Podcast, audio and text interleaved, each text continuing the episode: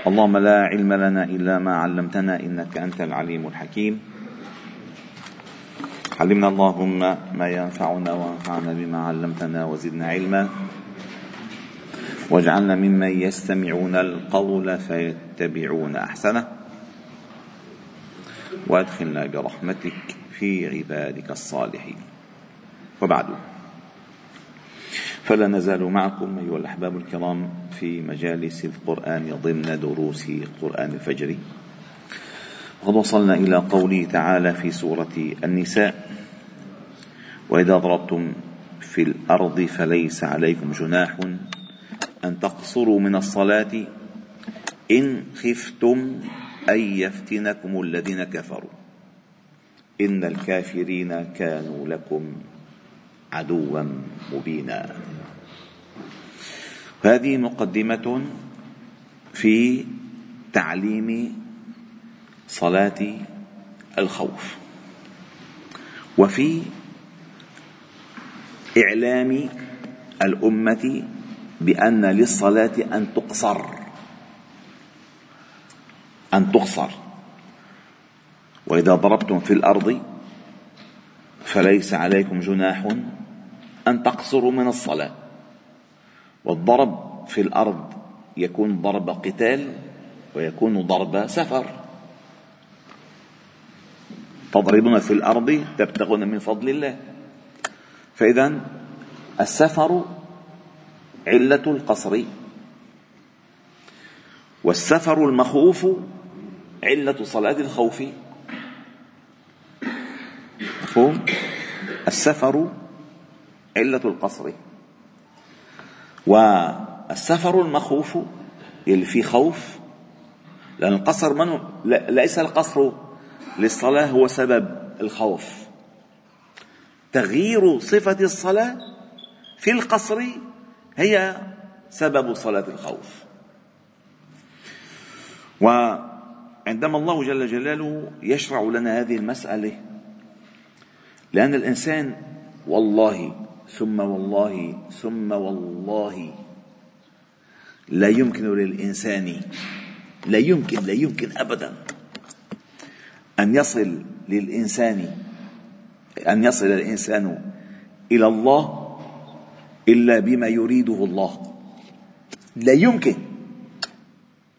لا يمكن الإنسان أن يخترع دينا أو عبادة يخترع ولا هي اللي بتوصلني لله ابدا. مهما كنت يعني شو بدي أقول لك كبير عقلك هالقد راسك قد طنجة الورعنب مهما كنت. لا لا نعرف نحن لا نعلم. وإلا ما علة إرسال الرسل. صلوا كما رأيتموني أصلي. خذوا عني مناسككم. وإن أحسن الهدي هدي رسول الله صلى الله عليه وسلم. هذا أحسن الهدي. هذه الطريقة المثلى. أنت تعرف الله تعالى بالفطرة. بالفطرة. ولكن أن تصل إليه بعبادة أنت تخترعها لا يمكن لا يمكن. فلذلك نرى أن الله جل جلاله ذكر تفاصيل التفاصيل في الأمور العبادية وترك وترك الأكثر للنبي صلى الله عليه وسلم في بيان ذلك. صلاة الخوف الله جل جلاله هو الذي بينها. إذا الصلاة الوحيدة الصلاة الوحيدة اللي بنصليها نحن كلياتنا الوحيدة الذي أخذناها عن الله. الظهر عصر مغرب عشاء جنازة استسقاء أي صلاة خسوف كسوف عن النبي صلى الله عليه وسلم. هذه أخذناها مباشرة. يعني نحن والنبي صلى الله عليه وسلم تلقينا الخبر من الله. وإذا كنت فيهم فأقمت الصلاة فلتقم طائفة معهم معك وليأخذوا أسلحتهم فإذا سجدوا فليكونوا من ورائكم ولتأتي طائفة أخرى لم يصلوا فليصلوا معك وليأخذوا حذرهم وأسلحتهم. تفاصيل التفاصيل أولا يدل على أهمية صلاة الجماعة. لأن الجماعة لو لو لو لم تكن مهمة بهذه الدرجة لتفرق المسلمون وكل يصلوا لحاله. هو اللي بيصلي على ريحته. بس يجب أن تقوم الجماعة. فقامت الجماعة فالإمام موجود. وصورة المسلمين وهم في قتالهم وهم في قتالهم مع قائد واحد وهم في صلاتهم مع إمام واحد. أدعى للهيبة من عدوهم وأدعى للثبات في قلوبهم. وإذا كنت فيهم فأقمت لهم الصلاة. يعني الإمام هو الذي يصلي بالناس بالناس جماعة. ولذلك كثير من العلماء قالوا بأن صلاة الجماعة لمن يقدر عليها يقدر عليها هي في حقه واجبة لمن يقدر عليها. ما عنده أعذار ما عنده شيء واجبة. أولا ليس لأنه تعدل آه، آه، سبعا وعشرين درجة عن صلاته في بيته ولكن الله تعالى يقول وأقيموا الصلاة وآتوا الزكاة. أسألكم سؤال قبل ما أكمل إية. الصلاة فيها ركوع ولا ما فيها ركوع؟ قال وأقيموا الصلاة وآتوا الزكاة. قال واركعوا مع مين؟ مع الراكعين. أي كونوا في جماعة الراكعين في إقامتكم في إقامتكم الصلاة. وكونوا مع الراكعين. أي في جماعة الراكعين. وأنت في صلاتك؟ عندما تقرأ الفاتحة. لا تقول اهدنا اهدني الصراط المستقيم. تقول اهدنا الصراط المستقيم. وهذه الآية تدل على هذا المعنى العميق. وإذا كنت فيهم فأقمت لهم الصلاة. بيجي وقت بشرح لكم صلاة القصر وكيف ولكن باختصار باختصار آه لا تقصر الصلاة الرباعية. لأن الآية تقول وإذا ضربتم في الأرض فليس عليكم جناح أن تقصروا الصلاة أو من الصلاة من الصلاة. أي من بعض صلاتكم. ولا تقصر الصلاة لا الثلاثية ولا الثنائية إنما تقصر الصلاة الرباعية. فالرباعية الرباعية في السفر ركعتان وفي الحضر أربع ركعات. وأما الثلاثة فتبقى ثلاثة وأما الفجر فيبقى فجرا وأما الفجر فيبقى فجرا هذه قضية المسافات وكذا لها مجلس آخر مسافة القصر وكذا لها مسألة أخرى. الآن الذي يعنينا من البيان صلاة الخوف. ثم بعد ذلك لأهمية الصلاة الصور يعني المعركة معركة قائمة. معركة قائمة. لأهمية الصلاة لم تسقط حتى وأنت في قعقعة السلاح. وفي حماوة الوطيس. لا تسقط الصلاة. بدل صلاة قائمة. والصلاة قائمة بمعنى أولا القصر والجمع في السفر. يعني سواء كنت صليت ركعتين أو ركعتين أو جمعت مع الصلوات الأخرى. فإنك ستصلي. هنا الآية وإذا كنت فيهم إماما. فأقمت لهم الصلاة فلتقم طائفة منهم معك. هلا آه، إذا بدنا نفوت بالآية؟ بالتفصيل بدنا نضيع. هأعطيكم الصورة مختصرة. الصورة مختصرة لصلاة الخوف. على آه، لأن صور صلاة الخوف بلغت ست صور ست هيئات. اللي شو لماذا لأن النبي صلى الله عليه وسلم صلاها في أماكن وفي مواضع وفي ظروف مختلفة. وتقدر هذه الصلاة على حسب الخوف على حسب درجة الخوف على درجة الخوف. لذلك اختلف الفقهاء فمن صور بصورة واحدة صورة بصورتين إلى آخره. أقرب صورة كما قال الإمام مالك هي التي ذكرها القرآن. وبهدوء نفهمها بهدوء. هي إذا كنت فيهم الإمام موجود والمسلمون موجودون. وفي حرب وفي قتال في حرب وفي قتال سواء بدأ أم لم يبدأ. هو الأصح هون ما بدأ. كل واحد بالعسكر. كل واحد بمعسكره ما بدأ القتال. ولكن بركي ميلوا عليكم فيأخذون أسلحتكم وأمتعتكم فلذلك أنتم خذوا حذركم.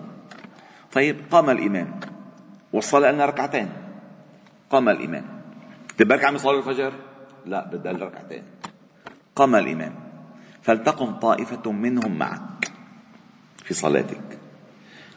وليقوموا آخذي أسلحتهم. وأخذ السلاح أي السلاح ليس في غمده. لأن الآية بعد أن تضعوا أسلحتكم أي في أغمادها.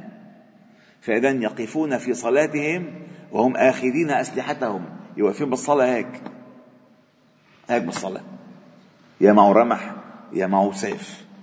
محطه بغمده ماسكه بإيده. وليأخذوا أسلحتهم. فإذا سجدوا أي فإذا أتموا صلاتهم. فإذا أتموا صلاتهم. كيف يتمون صلاتهم؟ يعني أول خطاب كان حتى كيف تشوف الفقهاء كيف بيستنبطوا الحكم. أول خطاب أول خطاب كان للنبي صلى الله عليه وسلم. وإذا كنت كنت فيهم فأقمت لهم الصلاة أي بدأت معهم بالصلاة. ها؟ فليصلوا معك. فإذا سجدوا أي فإذا أتموا صلاتهم وأنت لم تتم صلاتك بعد. طيب كيف يتمون صلاتهم قبل الإمام؟ هذه الصورة التي فعلها وسلم. صلى بهم فصلى ركعة الركعة الأولى ثم قام. فأتموا الركعة الثانية وحدهم من غير ائتمامهم بالإمام. يعني أتموا صلاتهم بسجودها فإذا سجدوا لأن هو الذكر إذا كنت فأقمت. هو ده القائم. فسجدوا. خلصوا الركعة الأولى هو قام. فأتموا الركعة الركعة الثانية. ها؟ فتأتي الطائفة فليصلوا وليصلوا معك وليأخذوا أسلحتهم. فإذا سجدوا. خلص يعني سجدوا. لأن آخر فعل بالصلاة السجود. فإذا سجدوا ف شو؟ فليكونوا من ورائكم. خلصوا هن صلاة بيروحوا بياخذوا الحراسة للي تانيين. فليكونوا من ورائكم. أي مكان الذين كانوا من ورائكم في حراستكم أو في حراستهم لهم لكم. فليكونوا من و... ولتأتي طائفة أخرى. لم يصلوا. أي لم يبدأوا بالصلاة. فليصلوا معك. طيب كيف يصلوا معك؟ قال يصلوا معك في ركعتهم الأولى معك في ركعتك الثانية لهم. ثم إذا أتم من يسلم الركعة الثانية بقي في جلوسه. لم يسلم. لم يسلم. فأقاموا وأتوا بالركعة الثانية بالنسبة لهم ثم لحقوا النبي صلى الله عليه وسلم في جلوسه ثم سلم وسلموا معه. هذا قال الإمام مالك هذه أصح الصور لصلاة الخوف. فبهالطريقة هن صلوا ركعتين مع الإمام والطائفة الأخرى صلوا ركعتين مع الإمام. وبدأ الإمام قائما وهم قاموا وصلوا وسجدوا. ولحقوا يسلم الفرقة الثانية قائما فصلوا معه وركعوا وسجدوا فأتمت الصلاة. ولتأتي طائفة أخرى لم يصلوا فليصلوا معك وليأخذوا حذرهم وأسلحتهم ليش؟ ليش ربنا قدم الحذر هنا ولم يقدم الحذر في الطائفة الأولى؟ لما شيء ما يفكروا إنه هن خلص دار حراستهم لا الحذر مقصود ومطلوب في كل حركة وليأخذوا حذرهم وأسلحتهم فإذا ود الذين كفروا لو تغفلون عن أسلحتكم وأمتعتكم فيميلون عليكم ميلة واحدة. لأن المتربصين بنا نحن أعدائنا متربصين. بينطروا الثغرة الواحدة يلا ميموا هجموا. لا في صلاتهم ياخذين حذرهم في حراستهم ياخذين حذرهم والإمام معهم. ود الذين كفروا لو تغفلون عن أسلحتكم وأمتعتكم فيميلون عليكم ميلة واحدة. ولا جناح عليكم. إن كان بكم أذى من مطر أو كنتم مرضى أن تضعوا أسلحتكم أي في أغمادها. ما أنه تتخلوا عن سلاحكم؟ لا يا أخي نحن بدنا السلام والتطبيع. نحن مرضى وما بيطلع بدنا شيء. لا لا. أي أن تضعوا أسلحتكم في أغمادها ولا طاقة لكم في حملها في صلاتكم. ضعوها وصلوا. أو المطر بضيقكم فضعوها وصلوا. فلم يقل هنا وإن كنتم مرضى أو وإن كان بكم أذى من مطر أو كنتم مرضى ألا تصلوا. بس حركة السلاح تتغير. أما الصلاة صلاة. أما الصلاة صلاة. واخذوا حذركم. إن الله أعد للكافرين عذابا مهينا. والحمد لله رب العالمين.